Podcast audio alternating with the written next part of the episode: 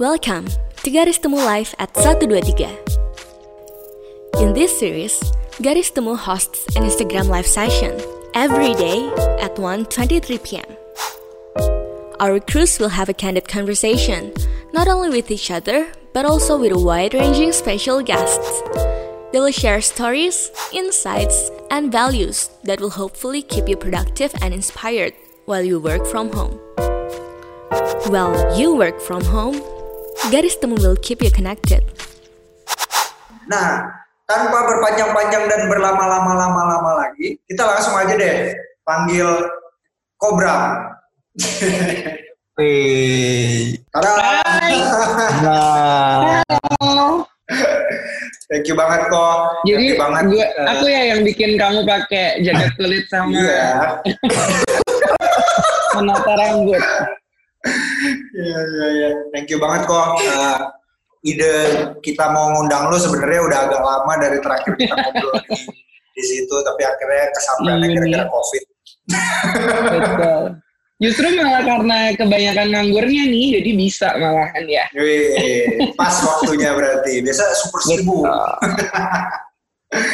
Kok eh, banyak yang mau tahu kali ya Kobram ini siapa?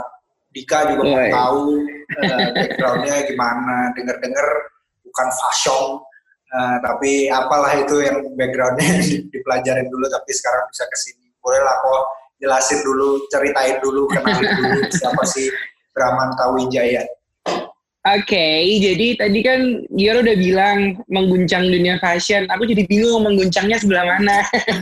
wah, sebenarnya sebenarnya masih apa ya masih belum apa-apa lah kalau dibandingin sama banyak-banyak yang lain. Cuman the one I know is I'm the one who passionate in fashion gitu. Dan secara kebetulan uh, sekarang aku ada di bidang uh, sekarang menggeluti bidang fashion designer gitu. Kalau banyak yang nggak tahu pasti banyak yang nggak tahu sih. Rata-rata yang tahu. Rata-rata yang tahu pasti eh, lagi mau preparing wedding soalnya mainline kita terutama kan Bramanta Wijaya Sposa ini ada di wedding dan eh, wedding attire dan party attire gitu deh gitu jadi kalau ditanya semuanya pada tahu nggak juga tapi rata-rata kalau yang mau nyiapin nikahan mungkin pada tahu Gue mau menikah kok tanggal 13 Juni. Gue belum undang gue undang. cie Online undangannya online, nikahnya online. By the new way, normal ya new normal yo dong. By the way, gue ingat banget ketemu Kobra pertama kali tuh di Bright Story apalah fair atau apa gue ingat. Dia lagi dengan pakaiannya Oh, iya. yang super wow, melayani customer satu-satu di saat yang lain pakai karyawan, tapi Kobra satu-satu diajak ngobrol loh. Sampai kagak ada waktu makan, kagak ada waktu ke WC. Jadi kalau waktu gue samperin pertama itu dia bilang, eh gue sekalian mau ke WC dulu deh. gitu. Tapi tapi itu kenapa gue tahu lu passionate di situ kok. Eh, bener-bener ya bukan cuman ya gitu loh, tapi bener-bener lu mau ber- bercapek-capek tiga hari Eh. nongkrong di situ. Iya, sebenarnya somehow sih karena mungkin karena dari awal memang pendekatan brand kita memang personal sih. Jadi personal touch gitu loh. Jadi um, I want everyone feel welcome as a family, as a close friend gitu lah. Kalau ketemu sama aku jadinya uh, mungkin bisa dibilang itu jadi salah satu daya tarik atau nilai jual sih kali ya. Makanya kalau setiap kali pameran aku selalu bilang aku tuh bukan jualan baju, aku jualan personality ya. Aku bilang gitu. Wih.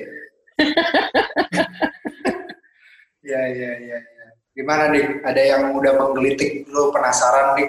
Nah karena karena tadi kita udah ngomonginnya ke passion. eh, kebetulan kita sempat riset-riset Kobram. Dulu Iya, waktu kuliah, Kobram ini eh, ambilnya jurusan periklanan. Bener nggak kok? Iya, ya? jadi sebenarnya itu eh sayangnya aku nggak punya background sih sama sekali di nggak punya pendidikan formal lah di fashion gitu dan puji Tuhan aku dapat kesempatannya justru malah di bidang komunikasi di periklanan dan yang ternyata Hmm. malah kepake banget kan buat zaman sekarang ini gitu jadi kita nggak cuma cara Betul. ngerti cara teknik in fashionnya tapi juga tahu kayak cara marketingnya juga gitu Cuman ya gitu deh karena sebenarnya kayak ngomongin masalah fashion ini tuh aku bener-bener kayak passionate about fashion ini jadi kecil gitu dari dari Oh, dari dari kita dari kita bisa coret-coret gambar di dinding lah gitu. Jadi uh, Ya. ketika anak-anak yang lain gambarnya gunung, gambarnya princess dong. jadi jadi dari dari jadi kalau dibilang jago gambar enggak karena I'm not good in coloring and everything. Jadi secara spesifik emang uh, emang secara spesifik ya di baju gitu demennya, demen bikin gambarnya. Terus uh, my mom said as a little boy I have a good sense of fashion lah. Terus kayak karena jadi kayak aku pilih sendiri baju yang pengen aku pakai apa, terus kayak gimana cara nge-styling dan lain sebagainya gitu lah. Cuma sayangnya kebetulan angkatan aku ini kan agak udah lumayan uzur dibandingin kalian kalian. Dika aja Dika. Jadi at that moment mungkin kayak waktu I want to pursue in fashion kayak tahun itu tuh eh, masa-masanya di mana mungkin fashion bukan jadi sesuatu profesi yang apa ya ada prestis atau ada pride-nya gitu loh. Kayak orang tua masih taunya tukang jahit kan bukan fashion designer gitu. Hmm, hmm, dengan tidak bermaksud meremehkan pekerjaan tukang jahit ya. Cuman kan we know we born in a nation family yang kayak menjunjung tinggi pride and prestige banget gitu loh. Jadi mereka kan Iya. pengen anaknya S1 dengan jurusan yang kayak yang aku bilang sih common gitu kayak dulu common, mungkin sekarang udah gak common lagi karena jarang banget yang pengen jadi dokter dan pengacara gitu kan. Tapi kan dulu kan mereka Hmm. berharapnya seperti itu gitu. Dan that's why makanya kenapa akhirnya aku menyerah juga kayak nggak nggak ambil uh, pendidikan formal di fashion. Dan sebenarnya sangat mahal sih sebenarnya sekolah fashion itu. Oh, sampai sekarang aja masih mahal gitu. Jadi aku ini aku agak nyelip dikit ya. Sebenarnya aku tuh agak bete sama orang-orang yang kayak punya chance dan kesempatan untuk ada ambil course formal di fashion tanpa mengetahui bahwa it's a very hardworking apa ya. Situation gitu loh jadi kayak bukan ah, mungkin kan orang kan mikirnya kayak eh keren ya gitu glamour terus how to look pretty all the time gitu padahal mereka nggak ngerti kalau we look pretty itu tuh kayak cuma 10% dari penampilan keseluruhannya 90 persennya tuh kita menghamba sebenarnya. Gitu makanya kalau misalnya terus mereka kuliah terus setahun doang abis itu drop out gitu gila "Shh, gila gue pengen banget tuh dulu gitu terus tapi ah. kesampaian tapi ya udah sih sebenarnya kayak eh, setelah eh, akhirnya ambil S1 gitu terus waktu itu waktu aku kuliah pun sebenarnya kayak eh, ya akhirnya sebenarnya nggak milih profesi dokter dan pengacara dan lain sebagainya itu juga sih akhirnya juga kayak di graf eh, ya kayak sebenarnya kan kayak ada desainnya juga kan kalau advertising gitu Ya. jadinya terus di situ aku berpikir jadi waktu itu tuh aku benar-benar kayak kuliahnya kayak istilahnya kayak ya udahlah yang kampusnya yang nggak usah yang gimana-gimana banget. Terus yang yang kayak misalnya ini aku berharap kalau ada satu pintu pun yang kebuka di dunia fashion aku akan tinggalin ini kuliah dengan tanpa kayak tanpa hesitation sama sekali gitu loh. Karena kayak di satu sisi kayak nggak sedikit ngerasa bersalah gitulah. Ya. kayak ya udah gitu. Tapi ternyata empat tahun kulalui kuliah tidak ada yang terbuka sama sekali pintunya. Jadi aku harus selesaikan kuliahku. Begitulah. Ya, ya, ya. Cuman ya ini sih sebenarnya di satu sisi kan sebenarnya um, kuliah ini dibilang sia aku buang waktu empat tahun sia-sia sebenarnya nggak juga. Aku dapat ilmu satu, dapat ilmu yang kedua sebenarnya ngajarin mental. Lebih kayak mental sih kayak aku harus menyelesaikan sesuatu yang aku nggak suka sebenarnya. Yang enggak aku inginkan. Karena at the end of the day di pekerjaan yang kamu suka sekalipun tuh sebenarnya ada sesuatu hal yang tidak kamu sukai gitu loh, yang tidak ingin kamu lakukan. But you have to do it gitu. Deh makanya sebenarnya kayak ngajarin mental sih lebihan sih. Untuk menyelesaikan apa yang harus diselesaikan. Gitu. Gue ingat banget dulu gue pernah nyopirin Cobra nggak lama sih nyopirnya kayak 20 menit gitu dari atas ke bawah di puncak. Dari Tapi di 20 puncak ya. menit itu si Cobra ngomong sama gue satu hal dia bilang tadi empat tahun itu pintunya tidak terbuka. Tapi akhirnya, nah Cobra melanjutin sendiri langsung melanjutin ceritanya. jadi gitu jadi kalau karena- bridging dong ya.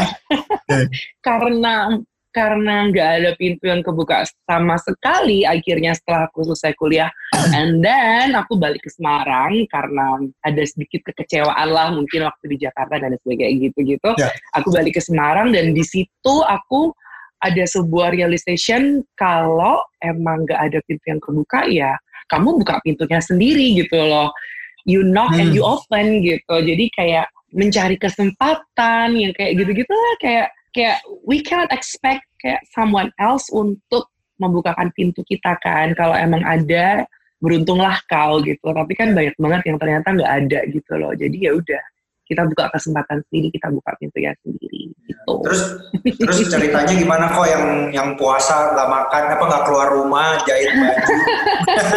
Jadi sebenarnya agak lumayan nekat sih. Karena kan waktu pulang Semarang kan ya juga nggak punya pemasukan apa-apa sama sekali kan. Terus akhirnya itu aku punya kesempatan sih sebenarnya sempat kerja eh, di konveksi gitu. Hmm. Jadi desainer baju ya. sebenarnya. Iya sebenarnya agak nyerempet dikit.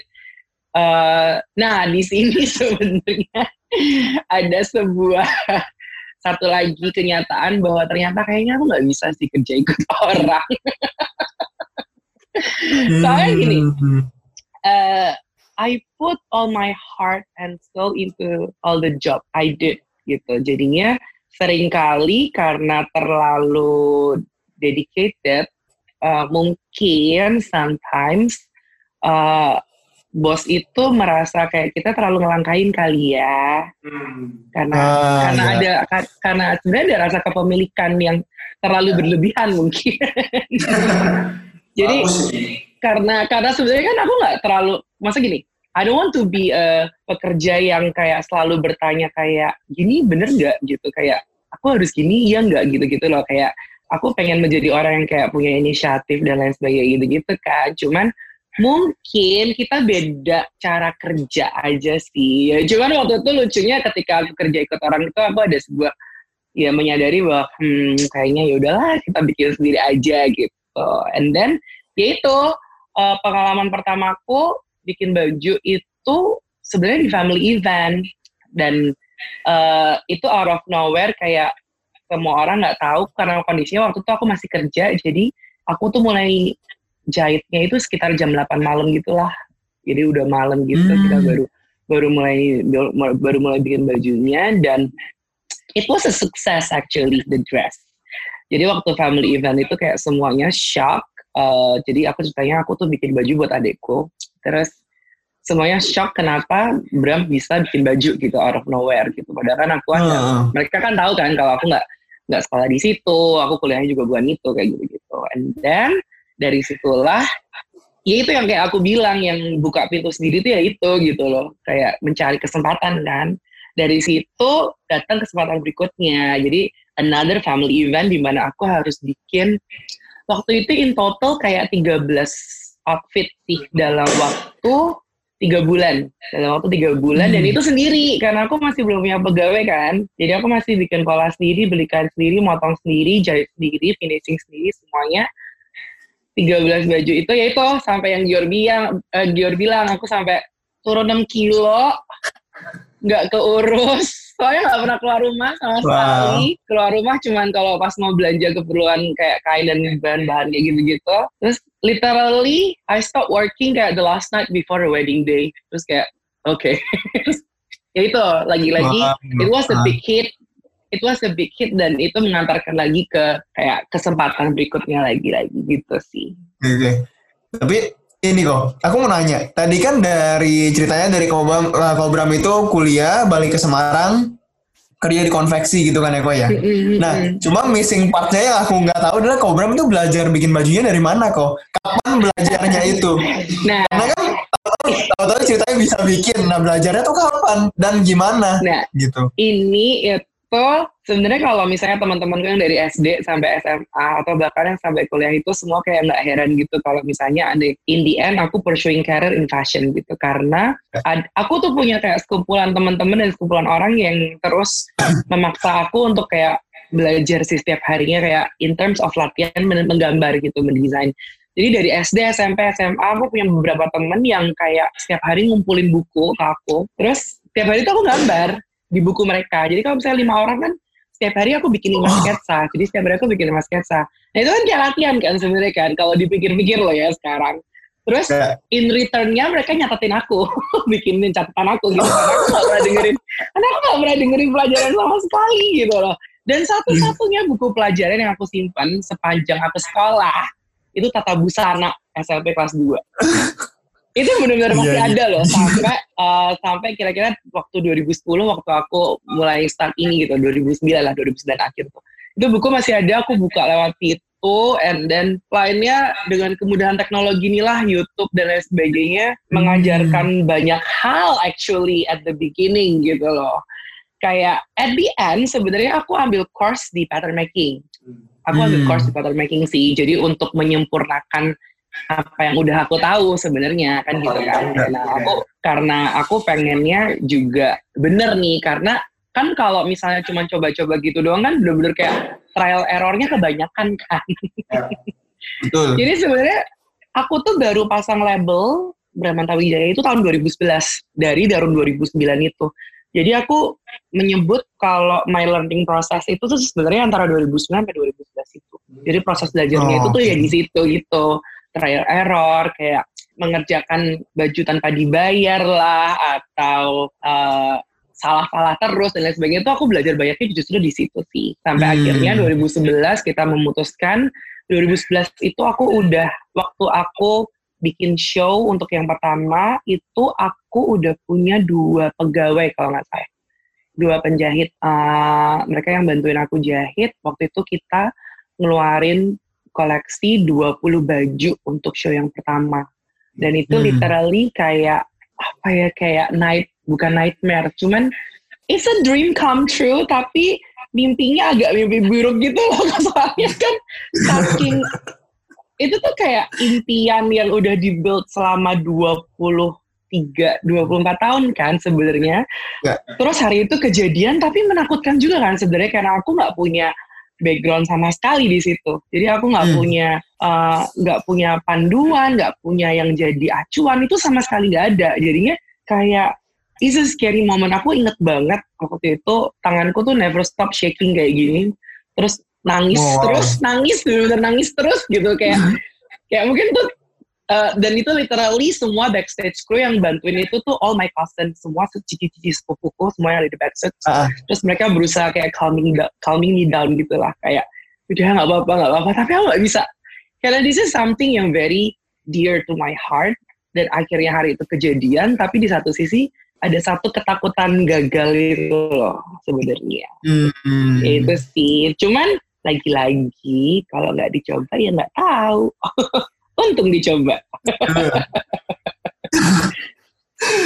Wah, Jadi buka gitu. pintunya itu berupa pengorbanan nggak sih kok membuat baju nggak dibayar dan apa orang pikir buka pintu itu ya apa gitu nanya-nanya apa gedor-gedor pintu orang gitu padahal oh. maksudnya adalah itu ya pengorbanannya.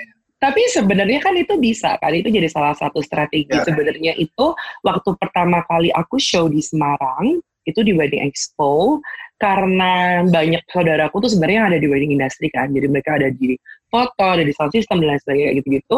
Aku kebetulan kenal eh, orang-orang di dalamnya.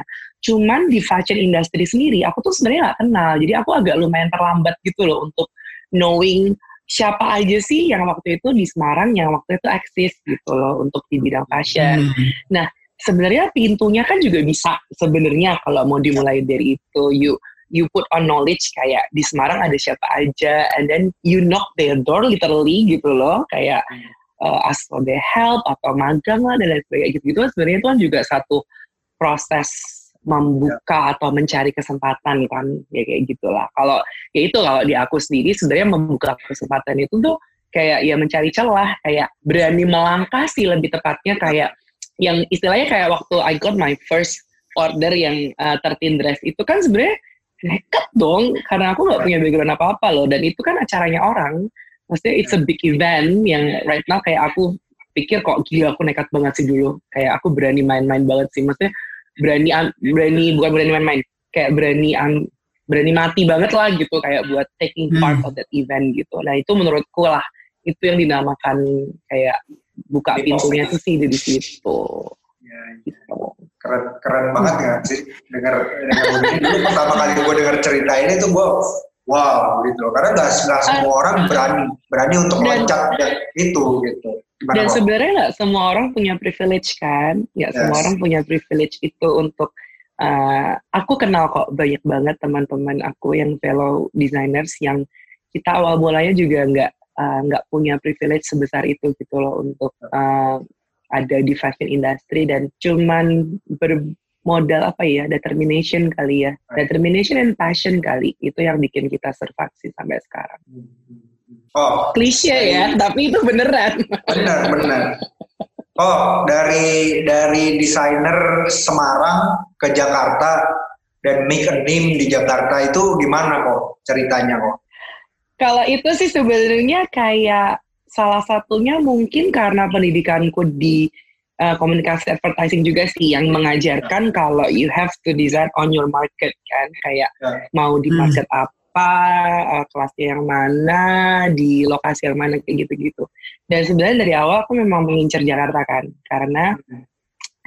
aku sih ngerasa at that time mau gimana pun juga uh, ibu kota itu jadi salah satu pusat mode sih dalam satu oh ya yeah. sebuah negara gitu loh. Jadi kayaknya if you want to start something if you want to be to be big I think you should start kayak di ibu kota sih gitu. Jadinya uh, itulah kenapa kayak dari awal emang aku udah set a point kalau marketku aku mau ngambil dari sana gitu. Dan kebetulan karena kuliahnya di sana dan punya circle kayak teman-teman gereja dan lain sebagainya jadi kayak temen terakhirnya tuh kan dari sana kan. Dan kebetulan sebenarnya klienku wedding gown yang pertama itu temanku sendiri teman gereja. Hmm. jadi lagi-lagi itu adalah satu kesempatan sih. Itu kayak another door yang aku buka at that time gitu. Dan itu uh, apa ya ya itu lagi-lagi jadi batu loncatan lagi lah. I still keep the dress until now. Oh wow it's part of the history actually hmm. ya kayak gitu sih Terus, jadi tapi, dulu yang awal mulanya aku mungkin ke Jakartanya dua bulan sekali terus abis itu sebulan sekali sebulan dua kali dan akhirnya tahun-tahun belakangan ini setiap minggu aku harus balik ke Jakarta gitu karena uh, di satu sisi aku mau mempertahankan kayak tim produksinya tetap ada di Semarang gitu lah. Hmm. Itu yang yang mungkin uh, yang lain nggak tahu yang tukang-tukang jahit-jahitnya itu di Semarang gitu. Yes, Program betul. Di sini It, gitu. Itu yang Tapi itu yang, yang support itu semua kenapa, di, Iya. Itu yang kenapa yang bikin aku selalu mondar mandir kan setiap minggunya because I want to meet them. Aku tetap mau kayak ada connection with them uh, dengan semua timku ini. Jadinya kenapa aku uh, merelakan diri untuk ya udah kayak tiga hari di Semarang, empat hari di Jakarta, tiga hari di Semarang, empat hari di Jakarta kayak gitu to build a good relationship aja sih kayak with all my team gitu. Ya, ya. Gimana deh? Mau nanya apa? Uh, ini sih, tadi kan jadi Kobram ini kan dari Semarang, akhirnya masuk ke Jakarta gitu kan. Nah kalau kita ngomongin ibu kota, tadi Kobram juga ngomong ini pusatnya buat mode. Berarti kan Kobram akan bertemu raja-raja lainnya di uh, ibu kota dong, raja-raja lainnya fashion di ibu kota. Nah, uh, dengan backgroundnya Kobram yang nggak ada uh, pendidikan uh, formalnya segala macam. Nah, pertama kali Kobram masuk ke Jakarta dan bertemu raja-raja ini, perasaannya Kobram gimana? Terus overcome itu tuh gimana caranya bertemu orang-orang besar ini? Ada di liga aku, yang lebih besar lah kalau kita ngomongnya. Aku itu uh, karena itulah salah satunya karena I know my market already, kayak I know what kind of style that I want to go, kayak aku mau arahnya ke mana, mau stylenya apa dan semuanya apa itu aku lumayan stick sih sama itu gitu jadinya hmm. waktu di Jakarta pun mungkin jadi kayak gak ada head to headnya gitu ya bukan gak hmm, bukan gak ada head to head sih tapi bisa dibilang gitu juga sih kayak kayak kita nggak hmm. bersaing sama yang kita nggak bersaing sama mereka gitu. Ya. Sebenarnya hal itu juga terjadi waktu aku di Semarang gitu. Kenapa waktu aku pertama kali doing the first fashion show I did something very different than the other yeah. gitu dan ini sebenarnya aku pernah bilang juga ke uh, teman desainer juga kita sempat ngobrol-ngobrol kalau waktu aku mulai dulu 10 tahun yang lalu it was kayak much easier to be different at that yeah. time sekarang tuh susah banget sebenarnya untuk jadi beda yeah. gitu tapi waktu itu aku ngerasa kayak jauh lebih mudah untuk kayak menjadi berbeda, membuat diferensiasi kayak gitu-gitu tuh jauh lebih mudah dan itu yang menurutku salah satunya yang bikin aku bertahan sih sampai sekarang. Sama ini sih kayak nggak berani untuk kayak misalnya gini, once ada klien yang datang kayak datang dengan referensi itu karyanya desainer lain gitu loh. Dan ketika dia yeah. tunjukin ke aku, aku langsung kayak, loh ini kan bajunya ini gitu, kenapa kamu nggak bikin nama dia gitu lah. I think uh, with the way I handle that situation, itu get respect sih dari yang lain gitu. Oh, Menurutku sih gitu. Kalau in terms of masalah ketemu kliennya, uh, salah satu hal yang aku pelajari dari market Jakarta itu adalah uh, they need credibility. Jadi mereka butuh uh, kayak something yang jelas gitu loh.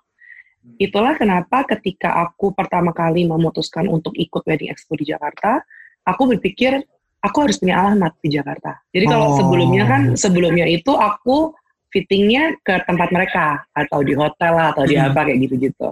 Jadi yeah. I ya. book hotel kayak for one weekend gitu, terus habis itu kita doing fitting semua di sana. Tapi ketika aku udah memutuskan untuk oke okay, ini beneran terjun di Jakarta, ikut wedding expo, in my brochure itu harus ada alamat Jakarta. Hmm. Kalau perlu, waktu itu sih pola pikirku kalau perlu, don't let them know kalau aku tasnya dari Semarang. Hmm. Karena hmm. fashion ini about lifestyle sebenarnya. Yeah. Ada pride sama prestisnya di situ. Yeah. Jadinya uh, salah satunya mungkin mereka agak sedikit underestimate orang daerah. Kalau tahu hmm. emang asalnya dari Semarang gitu kan.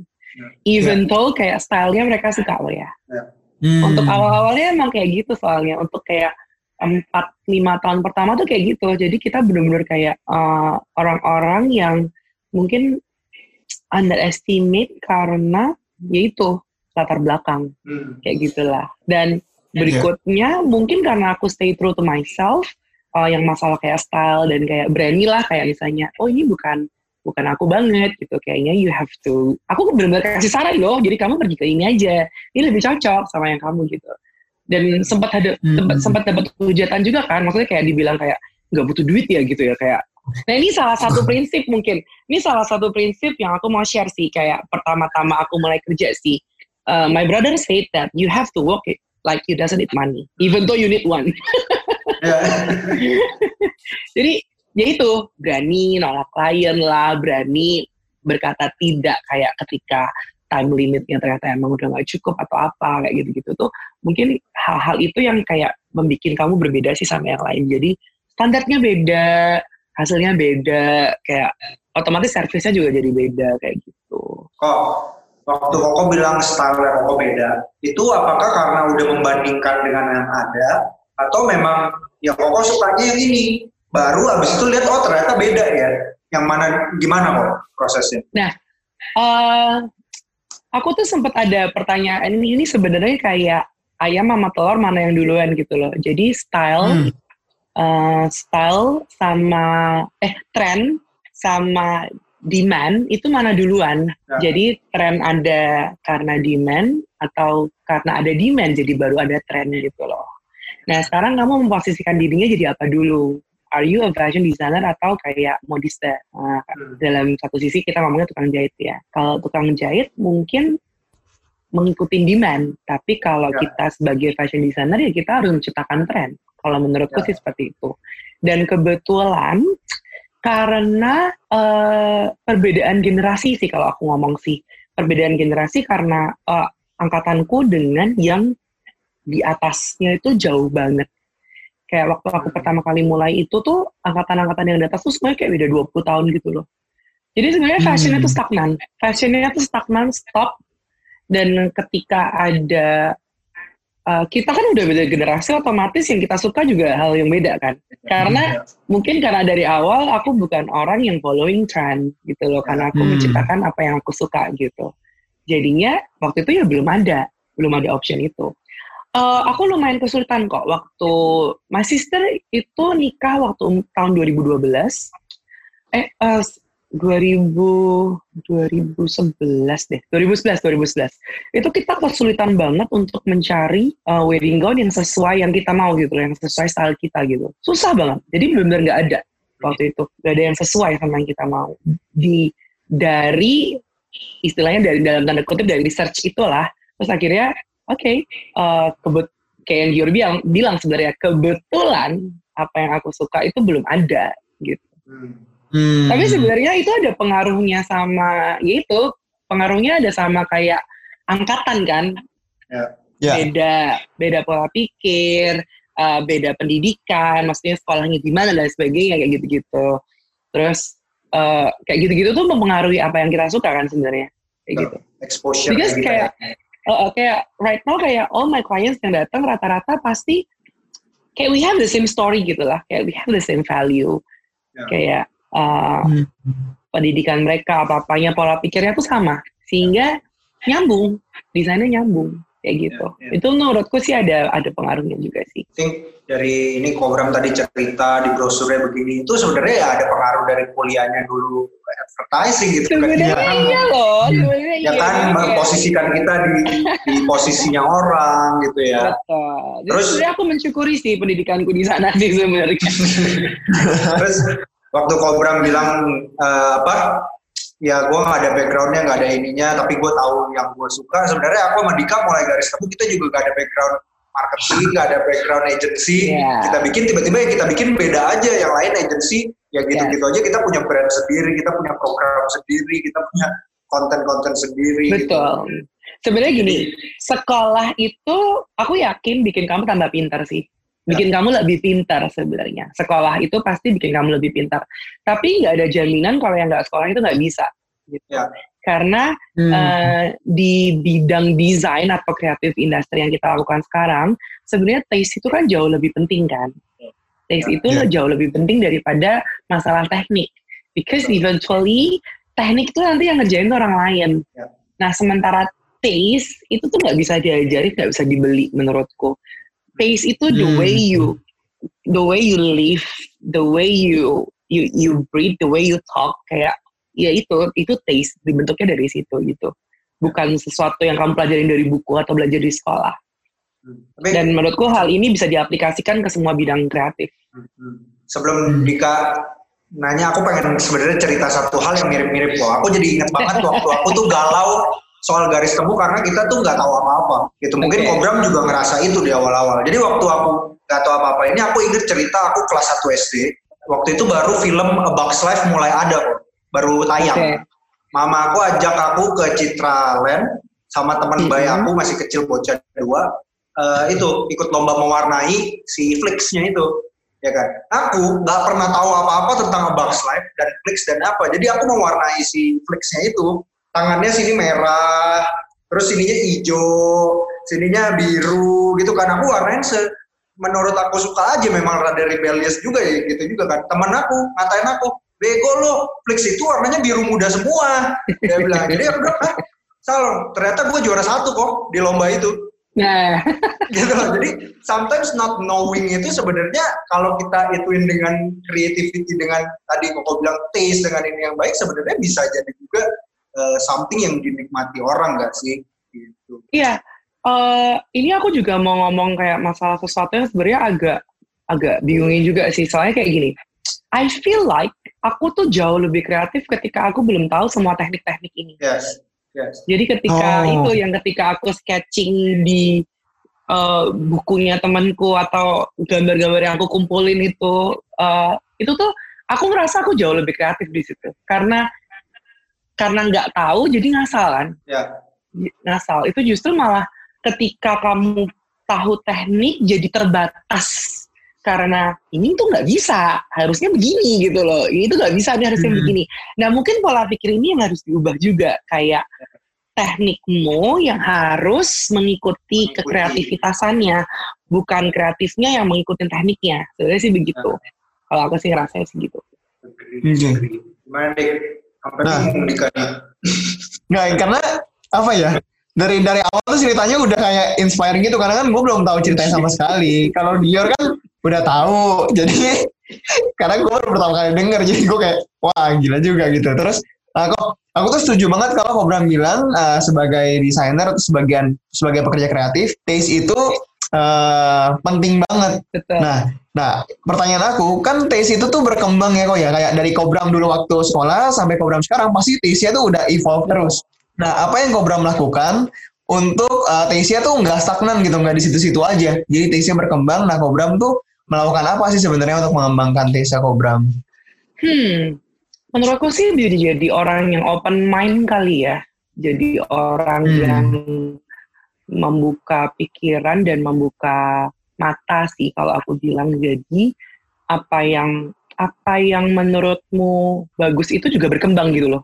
Karena hmm. eventually masyarakat pun berkembang, teknologi berkembang, situasi itu juga berkembang. Jadi sesuatu yang we do like 10 years ago mungkin masih bisa relevan zaman sekarang, tapi harus ada twistnya kan di situ. Nah, yeah. ini menurutku kita ngomongin masalah style di sini, di mana orang itu masih bisa notice kalau this is your works hmm. without being too repetitive karena yeah. there's always a twist in the design. Jadi selalu ada twistnya di situ. Itu yang uh, jadi aku bilang basic taste-nya itu ada terus sama tapi evolving. Jadi nggak hmm. berubah jadi ke arah style yang lain gitu loh. Stylenya yeah. tetap sama tapi selalu berubah ada perkembangannya di situ. Yang aku lakukan hmm. sih sebenarnya yaitu mengisi kepala dengan hal-hal yang you never knew before. Hmm, ya, ya, ya, ya. Melihat hal-hal yang kamu nggak tahu sebelumnya sih, menurutku sih gitu. Dan sometimes other people's works inspire you sih. Hmm. Ya, ya. Oh, terus? Apa? Ya, gue dulu ya. Ini kok, yang yang menurut gue big moment yang sampai gue bangga banget, mungkin gue nggak ngomong tapi gue bangga banget adalah uh, eh, gue lihat dulu ngedesainin buat bajunya Miss Indonesia ya. Benar okay. ya? Apa Putri Indonesia sih? Nah. Bedanya apa sih Miss Indonesia Putri Indonesia? Gimana kok ceritain kok?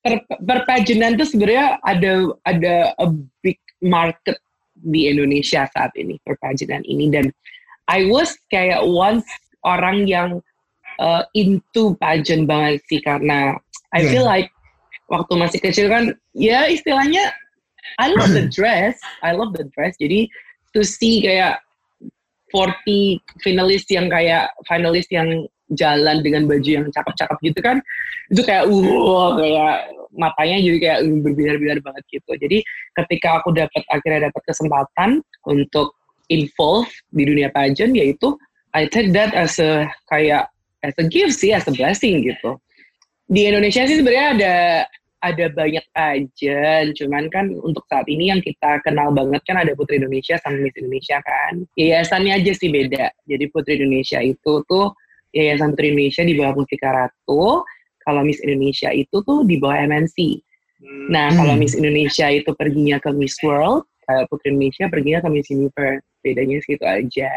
Dan kebetulan, oh. puji Tuhan aku udah pernah mengalami dua-duanya sih. Yang terakhir itu sebenarnya tahun lalu. Ya, tahun lalu waktu tuh oh oh iya, iya tahun lalu tahun lalu waktu perwakilan Miss Indonesia buat ke Miss World uh, mereka asking me to do the final gown buat evening wear-nya, buat final night-nya gitu. Itu pun karena sebelumnya kita sempat bekerja sama di malam finalnya Miss Indonesia. Waktu itu hmm. aku dapat kesempatan bikin buat lima besarnya Miss Indonesia tahun 2000 ini tahun 2019 berarti 2019 terus selain itu waktu itu aku juga dapat kesempatan uh, ngedressing Miss World yang datang ke Indonesia waktu itu uh, Vanessa Vanessa dari Meksiko kalau nggak salah aduh jangan semoga nggak salah jadi Harvey Vanessa sama Alia. Alia itu pemenangnya Miss Indonesia tahun 2018. Kayak gitu. Waktu itu bener-bener kayak seru banget. Aku tuh sempet ketemu. Jadi itu sebenarnya gini. Serunya seru sih emang kita ngelihat karya kita di mereka kan. Mereka kan someone gitu. Tapi lebih seru ketemu mereka sih. Kayak in terms of ketemu mereka secara personal ngobrol dan lain sebagainya itu yang seru itu yang seru uh, aku pernah ketemu Olivia Culpo loh. Nggak tahu. Tapi keren deh. Siapa itu Olivia? Culpo itu tuh sempat jadi mantannya Nick Jonas kalau nggak salah. Oh. Dia pokoknya salah satu a big hit lah di US sekarang. Jadi gitu. Waktu itu dia dari Miss Universe. Dari waktu dia ke Indonesia aku sempat dressing dia juga.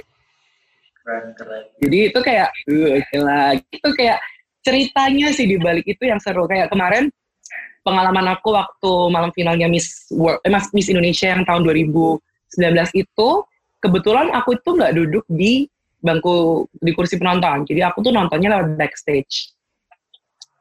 Nah, eh, Miss Indonesia itu punya hubungan yang bagus banget sama Miss World. Jadi pendirinya Miss World itu tuh juga datang ke Indonesia, Miss Julia Morley. Nah, lucunya, jadi waktu itu Julia Morley itu nggak comfort duduk di kursi penonton, jadi dia akhirnya duduk di kursi backstage. Dan di ruangan itu tuh ada aku, sama ada Miss World-nya juga, dan ada dia gitu loh. Terus, ya maksudnya itu kan something yang kayak nggak kebayang kan, maksudnya aku bisa Hmm. ada di satu ruangan yang sama dengan pendirinya Miss World ini and then we talk terus lucunya karena acara TV kita sama pakai bahasa Indonesia jadi kayak dia selalu nanya ini lagi ngomongin apa gitu oh, translator terus kan Designer dia slash translator. Terus kan dia kan nggak tahu kan anaknya itu pakai baju siapa kan, maksudnya Miss World-nya itu Vanessa tuh pakai baju siapa. Terus uh, when Vanessa came out gitu dan kayak si Julia tuh kayak gila ngomong, eh bagus banget gitu tuh siapa yang bikin kayak gitu-gitu itu. Terus si Vanessa kan bilang kan, ya maksudnya aku yang bikin gitu. Terus dia kayak shock gitu kalau ternyata I'm the designer gitu. Mungkin dia mikirnya aku kru backstage.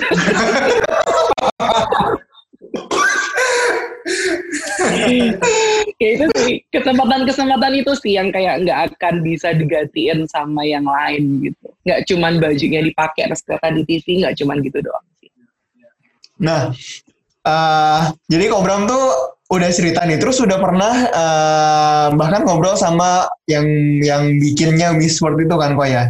Nah, Mm-mm. terus pertanyaan aku selanjutnya ini apa mimpi Kobram yang belum tercapai itu apa Eh, sejauh ini nih kayak nextnya nih apa nih buat Kobram? Ah, nextnya nih yang langkah kecil apa yang langkah besar nih Eh, dua-duanya boleh, nggak apa-apa.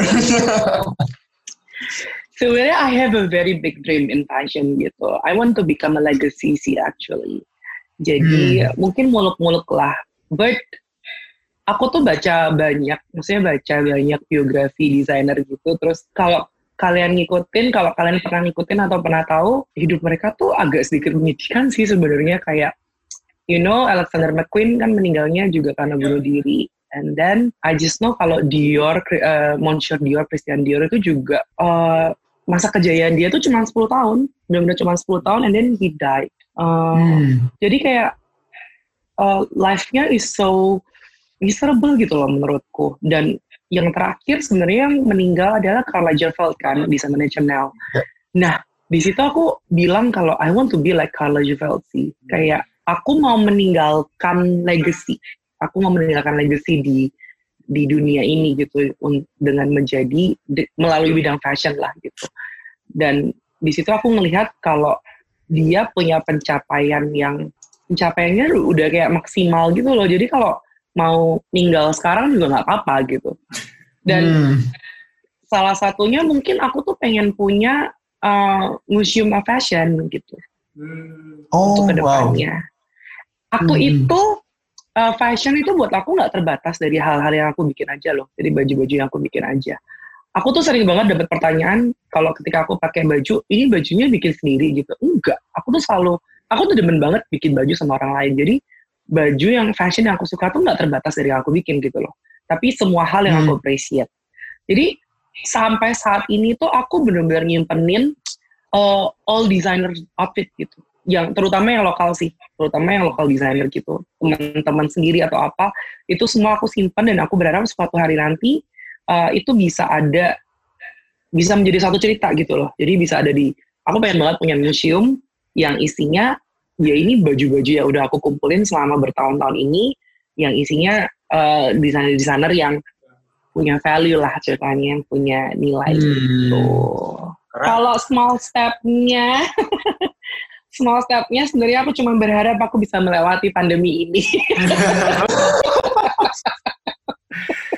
ya ya ya.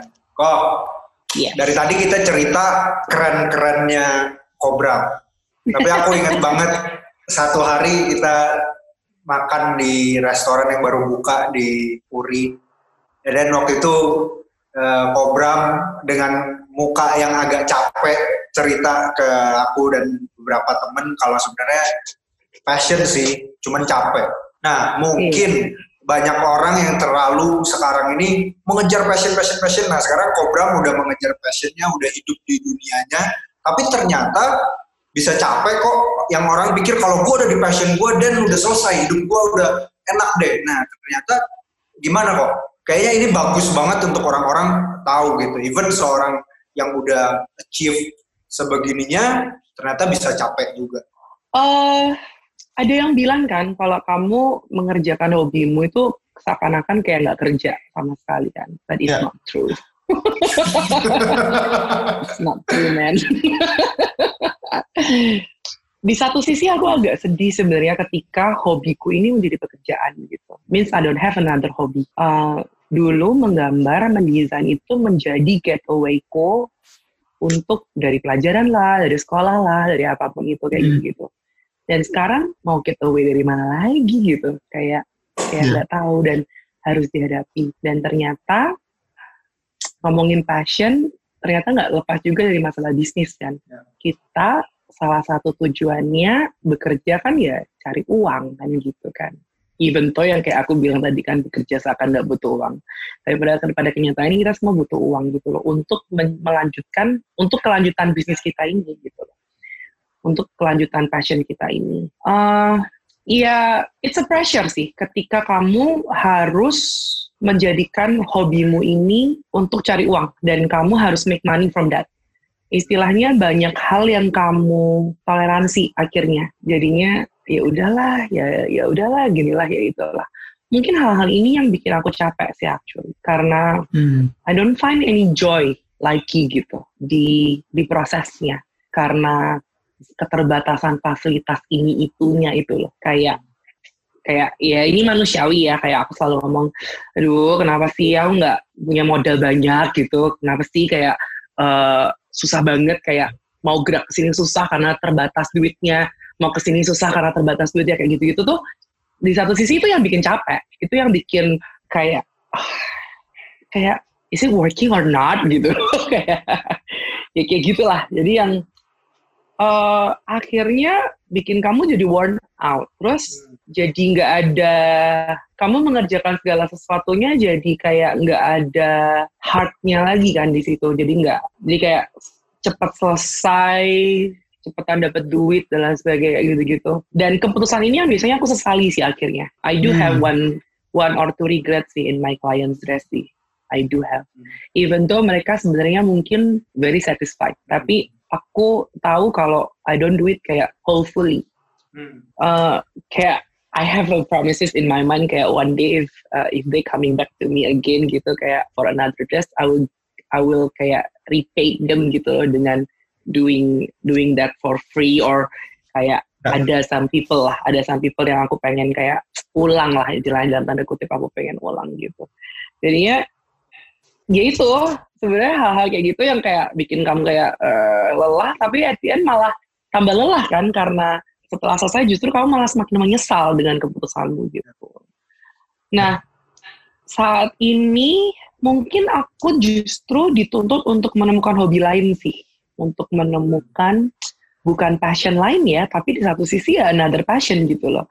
Nah, eh, supaya passion yang ini yang dari awal udah ada ini nggak worn out gitu. Jadi aku harus menemukan hal lain yang justru akan bikin aku tambah semangat kerjain ini ya. Sebenarnya tuh nggak Hmm. muluk, sebenarnya tuh nggak nggak nggak susah loh kayak eh, buat naikin moodnya itu kayak misalnya gini, on the day, on the wedding day ini ya kita misalnya ya skenario nya terus dia eh, pakai bajunya and then udah komplit kan udah dandan pakai aksesoris dan sebagainya dan she look at the mirror terus dia bilang gila thank you banget kok you look uh, you make me look like a very beautiful bride itu rasanya kayak hmm, gitu terus kayak itu terus akhirnya pulang dari situ kayak oke okay, semangat lagi gitu semangat lagi semangat yeah, lagi yeah, yeah, yeah. gitu. kayak gitu sih terus itu sih yang aku berusaha ingat-ingat terus kayak hal itu perasaan itu yang berusaha aku ingat terus sama satu lagi sebenarnya uh, aku tuh demen banget eh gini bukan aku demen banget. Dulu aku demen banget bikin show tapi sekarang karena kerjaannya udah banyak kan jadi pusing kan sebenarnya kayak preparing show itu kan sebenarnya kan memotong waktu untuk produksi sebenarnya kamu bisa cari uang kan. Tapi sebenarnya kamu perlu melakukan itu karena when you do a custom saat ini kan aku kan servisnya masih custom kan. When you do custom you following other people. But when you do make a collection itu tuh literally all your creativity sih all your brain gitu hmm. all your heart di karya itu gitu jadi uh, bikin koleksi bikin fashion show itu salah satu cara untuk kayak balikin semangat dan passionku lagi. So, waktu prosesnya sih kayak gila banget sih kayak I don't want to do this anymore gitu. Soalnya stressful kan kayak ada pressure untuk perfect itu loh. Mungkin ya ya mungkin aku sendiri sih kali yang put on pressure itu has to be perfect gitu. Cuman itu tuh yang bikin kayak gila aku nggak mau aku nggak mau lagi. Tapi waktu udah selesai kayak oh nyandu sih rasanya. gitu sih. Sama mungkin ya itulah okay. cari hobi, cari hobi, cari waktu, yeah. cari hobi, cari waktu, cari hobi. Oke. Okay. Gimana nih ya? Sebelum gue masuk ke pertanyaan terakhir, lo masih mau nanya apa nggak? Banyak. Kalau gue mau program nih, seru sebenarnya. Ini sampai besok. Itu waktunya berapa jam sih sebenarnya? Sampai bebas suka-suka kita kok. Kan punya gua. ini kan lucu loh kayak aku banyak banget kan aku ngepost ngepost uh, apa yang uh, session kita kan di Instagram terus kayak ya. banyak yang nanya kenapa Instagram live sucks gue di tag di Instagram gue bingung nah, tuh tanya aja sama yang sana udah gitu. Soalnya dulu kita udah dua bulan kok dua bulan kayaknya setiap weekdays kita live Instagram. Kita undang oh. orang-orang. Habis itu yang kita ini ya connectionnya jelek. Habis itu orang okay. nonton pergi lagi nonton pergi lagi gitu loh. Akhirnya mendingan kita ya udahlah kita kita bikin ini eksklusif di ini. Toh nanti juga ini bakal jadi podcastnya kita kan. Uh, yeah. yang kita ini. Tapi ya nggak apa-apa. Anggap aja ada ada audiens tapi ini benar-benar intimate ngobrol gitu bukan bukan kayak yeah. ya udah woi gue mau ngobrol sama temen gue tapi lu semua denger ya gitu loh bukan, bukan iya, iya, jadi yang masuk ya yang tertarik lah ya intinya begitu iya. betul ini benar-benar yang benar-benar tertarik. Tapi kok pertanyaan gue lagi apa ya si Kobram ini kalau lu tahu dik dia kan bilang dia suka bikin show ya. Itu yeah. show-nya itu ya. Gue pernah diundang satu kali tapi gue nggak bisa datang gara-gara meeting garis temu yang kurang ajar. Tuh kan, tuh kan. tapi tapi Kobram ini orangnya sayang sama Tuhan banget. Dia punya punya show tiga-tiganya itu ada uh, iman, pengharapan, kasih. Jadi itu ayat Alkitab gitu nih kalau lu gak tahu gitu. Nah, kok ini khusus buat lu, gue mau lebih agamawi sedikit. Biasanya kita nggak ada agamawi. tapi tapi kalau Kobram cerita tentang gimana dia merasa Tuhan sayang dia itu gue selalu hati gue tuh tersentuh gitu. Jadi makanya gue pengen lu bolehlah kau ceritain. ya saya bukan orang yang paling rohani ya di dunia ini. Cuman aku tahu pasti kayak aku tuh bisa apa sih sebenarnya kayak gini-gini. Banyak orang yang ngomong kayak ya tadi kan kamu kayak ngasih penjelasan kalau uh, I'm a humble person gitu. Karena di satu sisi apa yang mau aku sombongin gitu loh. Aku bukan uh, aku bukan lulusan Paris atau uh, aku bukan datang dari keluarga yang punya background yang membahana dan lain sebagainya gitu. Terus kayak aku nggak punya, bukan pemenang lomba INA itu dan nggak punya achievement apa-apa. Terus mau sombongin apa sebenarnya? Terus ya. kalau mau dibalik lagi, bisa apa aku tuh tanpa yang maha kuasa ini gitu loh. Kayak ya itu yang selalu aku bawa sih dalam kehidupan dan dalam setiap keputusan yang aku lakukan gitu. Kalau as a Christian ya kita harus berserah sih harus berserah kayak prinsip tentang berdoa dan berusaha tuh bener banget gitu jadi kamu nggak bisa cuman kayak berdoa doang tanpa berusaha atau berusaha means kayak melakukan semuanya dengan kekuatanmu sendiri tanpa menggantungkan diri ke Tuhan gitu loh. Jadi itu dua hal yang kayak aku selalu pegang sih dalam uh saat ini hal ini aku perlu sekali.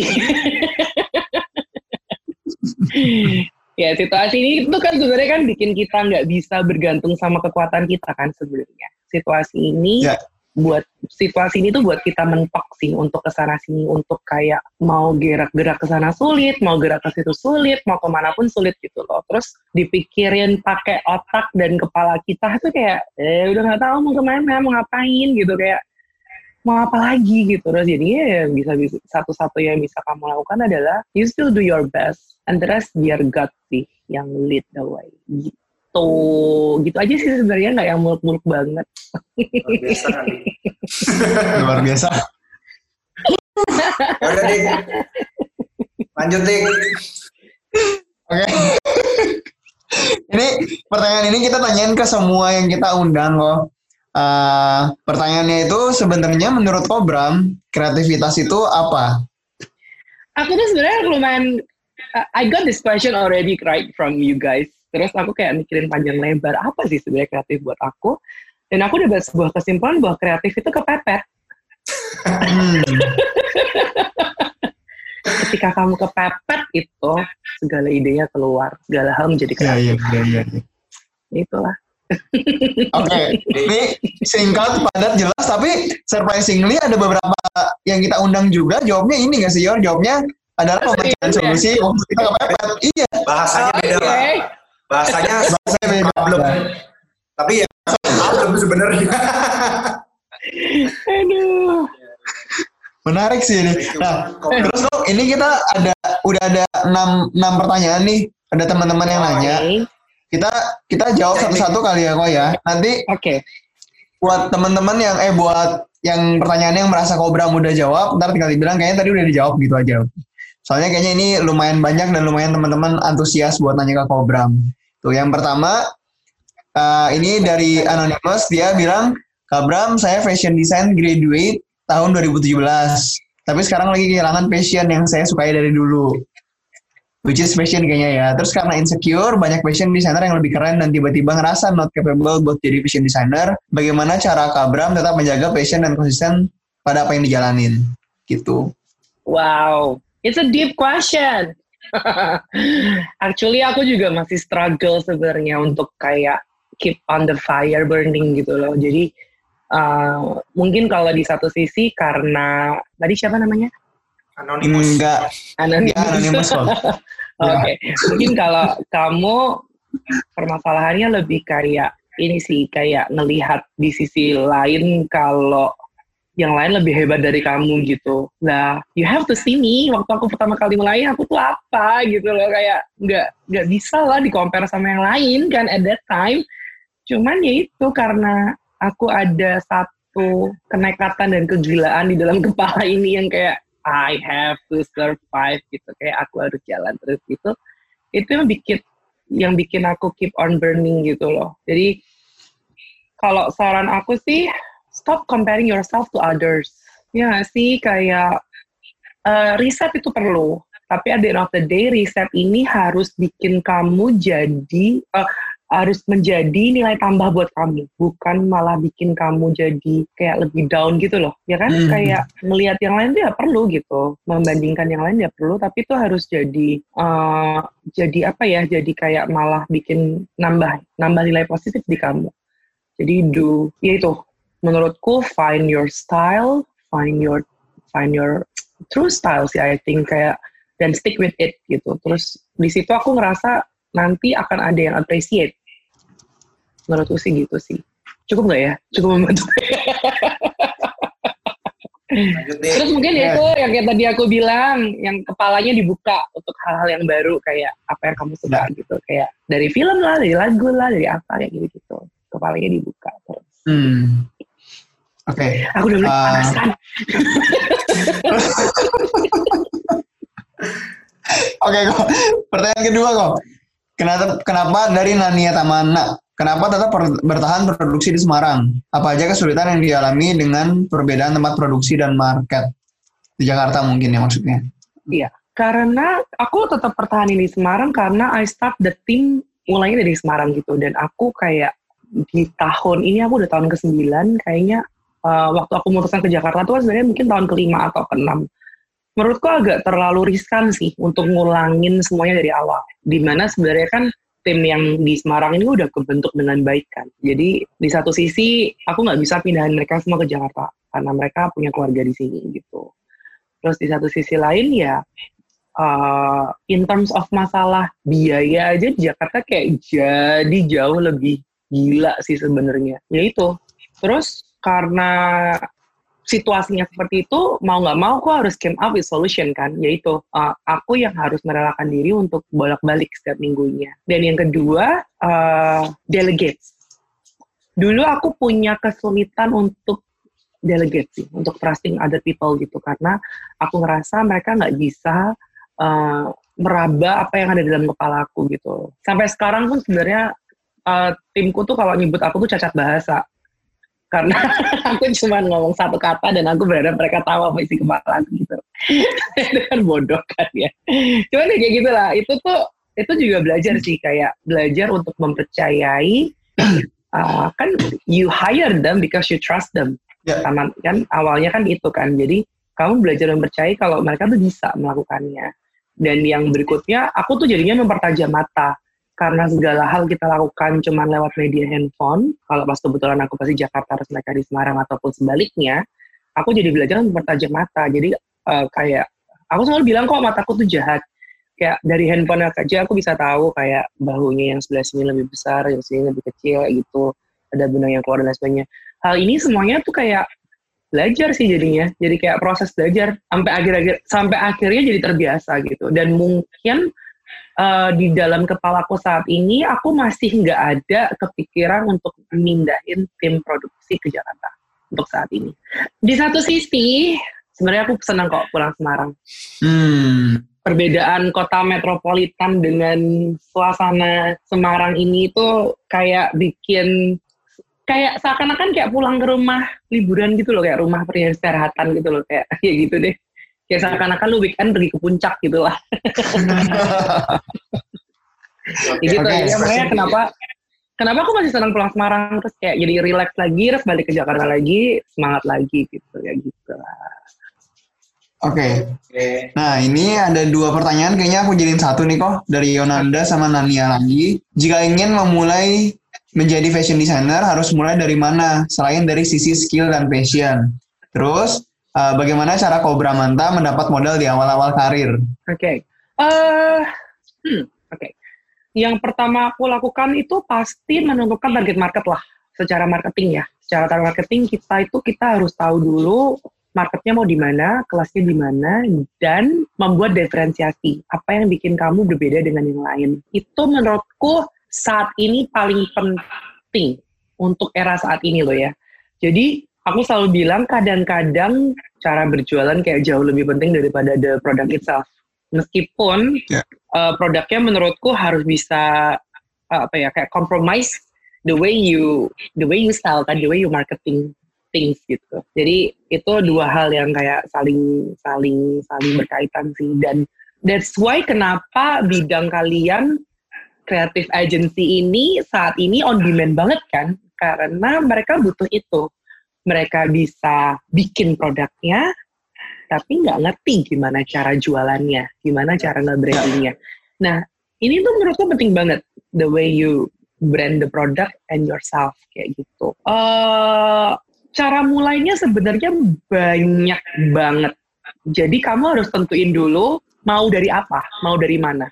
Kalau kamu mau jualan ready to wear, sekarang tuh kan gampang toh, gampangnya pakai hmm. banget. Kayak mau jualan tanpa punya toko aja tuh mudah sekali gitu loh. Nah, yaitu branding penting, produk penting, terus estetika penampilannya juga penting. Kalau kita mau jualannya cuma lewat online store, ya kan, kayak gitu. Kalau emang mau larinya ke custom, membangun kredibilitas itu. Jadi mungkin kamu start dari people that you know, uh, start dari orang-orang hmm. yang kamu kenal dulu gitu. Uh, building portfolio lah. Jadi membangun portfolio.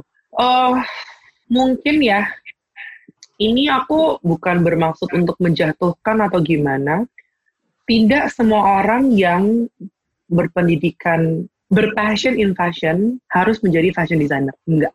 Hmm. Enggak harus. Uh, kalau semuanya pengen jadi fashion designer, terus nanti yang bikin pola siapa? Kan nggak ada. Kalau semuanya pingin gambar, ngedesain, terus nanti yang ngejahit siapa? Nggak ada, kan gitu. Bidangnya itu banyak banget di fashion yang bisa digali. Jadi, jangan cuman menutup kemungkinan kalau passionmu di fashion, then you have to be a fashion designer. Atau Hmm. punya brand, atau punya label apa itu. Karena menurutku bidangnya banyak sekali jadi kurator aja itu menurutku hal yang sangat saat ini juga Ya. jadi pilihan apa ya pilihan profesi yang lumayan menjanjikan Ya. loh untuk eh, untuk ke future-nya karena I did become a curator for myself Hmm. ya kan? Dari Ya. baju-baju yang aku beli yang aku simpan ini kan. Ya, kayak gitulah. Jadi tidak bermaksud menjatuhkan atau apa eh, nggak semua passion di fashion itu harus jadi fashion designer sih. Banyak banget caranya. Dan buat modal bersyukurlah engkau yang diberikan modal oleh kedua orang tuamu bersyukurlah tapi di satu sisi waktu itu kan aku kan sempat cerita tadi kalau aku sempat kerja di konveksi dan uang itu benar-benar aku simpan baik-baik sih at that time. Terus eh buat teman-teman yang tahu aku tuh sempat ya maksudnya aku tuh benar-benar melaluinya benar-benar dari super bawah sih. Maksudnya ya angkutan umum sudah pernah aku jalani. Tapi tapi tidak dalam se-fabulous ini ya ya gitu kayak ya dulu sanggupnya sanggupnya kata kokain naik angkot ya udah gitu loh kayak kayak Iya kan, soalnya kan people see fashion as a very prestigious atau mungkin people see me di Instagram yang I post something yang kayak aku ada di sebuah event atau I dress up atau apa pun itu. Tapi kan at the end of the day, uh, mungkin itu dalam seminggu cuma satu hari kan. Terus yang enam hari lainnya kerja keras toh mati-matian kayak gitu. Apa yang ada saat ini dimaksimalkan gitu. Dan sebenarnya jangan takut untuk mengambil resiko kalau emang resikonya masih kecil ya. Maksudnya kan kalian punya manajemen krisis kan? Oh, ya. Risk management. Risk management lebihan. Jadi kayak kayak uh, waktu dulu zamannya aku masih cuman punya dua pegawai mah nggak punya uang di rekening mah berani-berani aja gitu loh. Kayak uh, setiap kali aku show I spend like kayak almost like kayak 15 50 million gitu yang aku kumpulin selama enam bulan gitu. Habis bis bis bis bis bis habis itu. Habis itu kumpulin lagi buat the next thing. Kumpulin lagi buat the next thing kumpulin lagi the next thing. Tapi jangan terus terjebak dengan hal yang seperti ini kan at the end of the day kan kamu bekerja juga harus ada hasilnya gitu harus Ya. menikmati hasilnya juga gitu sih semoga membantu ya Oke. Next. Bener, Terus masih ada nih. Jadi ya masih ada sekitar empat pertanyaan lagi kau Bram. wow Nah, oke Pilih dua aja deh yang paling bagus. Pilih dua ya. Oke. Ya. Eh, mungkin ini nih. Ini bagus nih kok. Jadi eh kayaknya ini juga nyambung sama ceritanya Kobram. Mm-mm. Dari anonimus ini aku jadi kata dia eh dia sama banget nih sama Kobram. Dia telat banget nyadarin kalau dia itu pengen jadi fashion designer. Tapi dari keluarganya gak nge-support untuk di dunia fashion ini. Sementara biaya untuk memulai industri ini tuh gede banget. Kak Bram ada advice nggak untuk aku saat ini? Tapi tadi kayaknya udah dijawab deh kok ya. Yang iya kayak buka kayak pintunya. sih, uh, uh, maksudnya kayak uh, uh, jangan jangan menjadikan biaya as an excuse sih. Kalau aku sih mulainya dari itu kayak misalnya kalau emang awalnya emang harus dari satu pintu ke pintu ya lakukan itu gitu loh. Kayak datang datengin orang satu-satu ya lakukan itu. Kalau misalnya kamu emang belum bisa nyetok ya bikin satu-satu dulu. You do custom things yaitu building portfolio itu kan. Jadi kayak kayak hal ini tuh agak yang sedikit membedakan kenapa gini gini bukan bukan gitu. I think kalau I have all the facility yang aku harapkan, mungkin aku nggak akan seberusaha itu saat itu, gitu loh. Jadi ya itu karena kepepet itu loh, makanya kamu jadi kreatif, terus kamu jadi berusaha, kamu jadi kayak striving lah untuk melakukan banyak hal. Gitu. Terus tadi dia bilang dia terlambat ya, dia telat atau apa? Hmm. Iya. eh, telat tahu kalau pengen jadi fashion telat tahu designer. kan kalau aku bilang nggak ada loh yang namanya telat tahu loh telat itu tuh nggak ada asal kamu mau berani mulai ya it's your time dan bukan bukan telat atau gimana karena aku nggak pernah ngerasa kalau aku memulainya telat gitu. Hmm. Oke. Okay. It's, it's, it's just the right time. Oke. Okay. Nah, ini pertanyaan terakhir kok dari Pedro okay. Timothy. Nowadays collaboration menjadi sesuatu hal yang menurut Kobram, uh, um, nowadays collaboration menjadi sesuatu hal. Menurut Kobram, bisa nggak fashion industry yang Kobram geluti collab dengan sesuatu yang jauh? Atau Kobram pernah nggak melakukan craziest collab atau open for collab? Boleh sharing mungkin? sesuatu sesuatu yang jauh tuh maksudnya kayak kayak nggak ada hubungannya sama fashion sama sekali gitu kali ya. Ya. Nah, ya. kalau aku bilang kan sebenarnya desain itu tuh kan nggak stuck toh, nggak cuma di fashion doang kan. Ya. Apa yang kamu punya saat ini, taste yang kamu miliki saat ini itu kan bisa diaplikasikan ke banyak hal gitu. Kita ngomong contohnya uh, uh, ini adalah desainer wedding gown uh, yang paling banyak diomongin semua brand di dunia. Dia stay di US, namanya Vera Wang. Ya kalau pernah tahu. Nyebutnya Vera Wang, maaf ya. Saya kalau bule kan sukanya weng-weng gitu. ini Vera Wang. Nah dia ini, lininya ternyata nggak terbatas loh, cuma di fashion aja. Dia punya keramik, punya China. Jadi dia ngedesain piring, gelas, dan lain sebagainya. Terus punya stationery, terus punya wangi-wangian. Jadi macam-macam gitu loh. Karena uh, pas, um, karena we build a lifestyle here jadi kita nggak nyomok, cuma ngomong masalah fashion gitu loh. Jadi kita membangun lifestyle. Jadi nggak heran kalau misalnya suatu hari nanti ada linen produk under the name of Brahmanta Wijaya gitu. Ya. Terus kalau misalnya tahu-tahu ada uh, furniture product under the name of Brahmanta Wijaya gitu. Itu bukan sesuatu yang hal yang mustahil sih kalau menurutku karena lagi-lagi aku merasa desain itu bisa diaplikasikan ke berbagai hal, nggak cuma fashion aja gitu. Okay. In terms okay. of masalah kolaborasi, aku mau tambahin sedikit. Uh, you have to know exactly kayak uh, sekarang tuh soalnya lagi hype collab gitu. And I learn things or two about collab. Kalau uh, it's not always working actually. Jadi ya hmm. apa ya? sebenarnya kayak mencari yang marketnya sama di satu sisi stylenya agak uh, sama mirip terus punya value dan visi yang sama. Itu lumayan salah satu hal yang penting dalam mempertimbangkan to do a collab sih ya. gitu. Oke. Okay. thank you banget kok terakhir sebelum kita nutup gue mau kasih satu menit dua menit buat lu mau mempromosikan apa pun yang mau lu promosikan kok Apakah? Enggak sih, aku nggak mau mempromosikan apa. uh, apa ya?